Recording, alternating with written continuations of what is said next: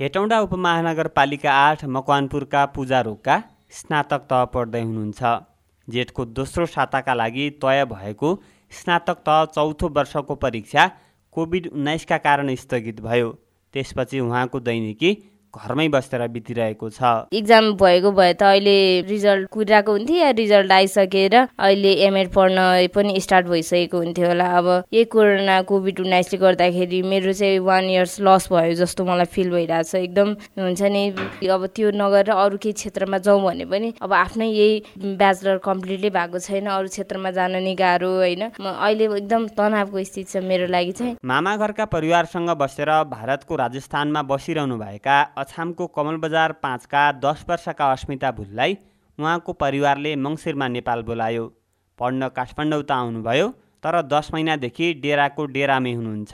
बाबाले वैशाखमा भर्ना गराउने भन्नुभएको थियो तर यसपालि भएन। के गर्नु? अब मेरो त भर्ना पनि भएको छैन। सबै मेरो साथीहरू पढिरहेछन् मलाई चाहिँ चिन्ता लागिरहेछ। मैले पढ्न नपाएर कस्तो भइसक्यो आफूलाई? म तिन कक्षामा पढ्ने हो कि चार कक्षामा पढ्ने हो मलाई थाहा छैन यो। अनि बाबाले कति कक्षामा भर्ना गर्नुहुन्छ त्यो पनि थाहा छैन। बाबा मम्मीले भर्ना गराउनु भन्नुभएको थियो तर अब के पढ्ने हो? कुन क्लासमा पढ्ने हो त्यो पनि मलाई थाहा छैन। अब वीरेन्द्रनगर सुर्खेतका रूपक सार्की पनि गत मङ्सिरमा काठमाडौँमा रहेको रत्न राज्य लक्ष्मी क्याम्पसमा पत्रकारिता पढ्नका लागि स्नातक त प्रथम वर्षमा भर्ना हुनुभयो।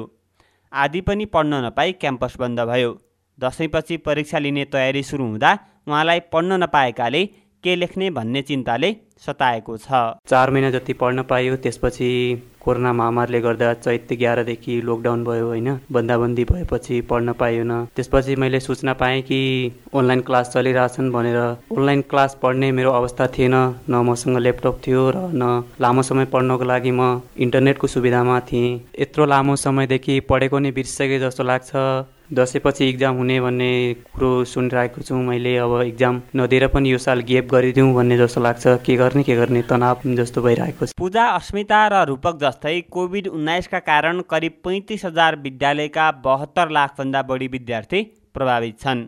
नेपालका एघारवटा विश्वविद्यालय अन्तर्गत रहेका एक हजार चार सय पच्चिस क्याम्पसका सवा चार लाखभन्दा बढी विद्यार्थी पनि कोभिड उन्नाइसबाट अछुतो रहने कुरै भएन।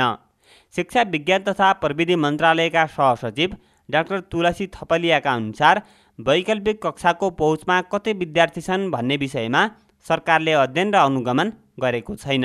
प्रभावकारिताको बारेमा अध्ययन भएको त मलाई जानकारी छैन। अब अहिलेसम्म भएको अध्ययन भनेको चाहिँ कस्तो हो भने स्वाभाविक अवस्था के छ भन्ने अवस्थासम्म चाहिँ केही कुराहरू सानातिना तहमा छलफलहरू भएको के के परामर्श भएको के के सूचनाहरू लिएको भन्ने सुनेको छ। साँच्चीकै प्रभावकारिताको अध्ययन त मलाई जानकारी त छैन। तर जे होस् अब यसमा के भन्न सकिन्छ भने अहिलेको अवस्थामा विद्यार्थीको सिकाइ चाहिँ जुन किसिमले नियमितताका साथ हुन पर्थ्यो त्यो गर्नलाई कठिनाइ परेको चुनौतीहरू देखा परेको कुरा साँचो हो। वैकल्पिक सिकाइ सहजीकरण निर्देशिकाले मात्र नपुग्ने भएपछि असो छ गते शिक्षा विज्ञान तथा प्रविधि मन्त्रालयले सिकाइ सहजीकरण विधि र सिकाइ उपलब्धिको मूल्याङ्कनका उपाय सुझाउने गरी विद्यालय शिक्षा सम्बन्धी आकस्मिक कार्ययोजना दुई हजार सतहत्तर ल्याएको छ। तर कार्यान्वयनमा सरकार चुकेको छ। स्थानीय तह प्रदेश र सङ्घीय सरकारबीच तालमेल मिल्न नसकेकाले शिक्षा क्षेत्रमा समस्या देखिएको शिक्षाविद डाक्टर विद्यानाथ कोइरेलाको तर्क छ। विद्यार्थीको निम्ति सरकार भनेको शिक्षक हुँदो रहेछ। शिक्षक तापेन। तापेको ठाउँमा पढ्यो भनेपछि अलमल कसले पार्यो भन्दाखेरि त्यही विद्यार्थीको सरकारले पार्यो। अब त्यसलाई अलमल कसले पारिदियो भनेर भन्दाखेरि पनि पालिकाले पारिदियो फेरि। किनभने पालिकाले गर भन्दा पनि भनिदिएन। गर्नलाई सघाउन पनि सघाइदिएन। त्यसपछि तेस्रो अन्यल कसले पारिदियो भन्ने प्रशासनले पार्यो अब त्यसलाई कसले अप्ठ्यारो पारिदियो भनेर भने हेर्नु हो भनेदेखि चाहिँ सङ्घीय मन्त्रालयको शिक्षा मन्त्रीले पारिदियो। शिक्षा मन्त्री कहिले खोल्ने भनिदिन्छन् कहिले बन्द गरिदिने भन्छन् कहिले अनलाइनबाट पढा भन्छन् कहिले अनलाइनबाट नपढा भन्छन्। कहिले अनलाइनमा पढाएको जोडिँदैन भन्छन् कहिले अनलाइनमा पढाएको जोडिन्छ भन्छ कहिले अनलाइनमा पढाएर पैसा लिइ भन्छन् कहिले अनलाइनमा पढाएर पैसा नलिइ भन्छन्। अब यो नौटङ्कीले गर्दाखेरि बिग्रियो अब त्यो कुरोकानीलाई फेरि कसले अप्ठ्यारो पारिदियो भने हेर्नु हो भनेदेखि डाक्टर युवराज कतिवटा पहिलेका अर्थमन्त्री।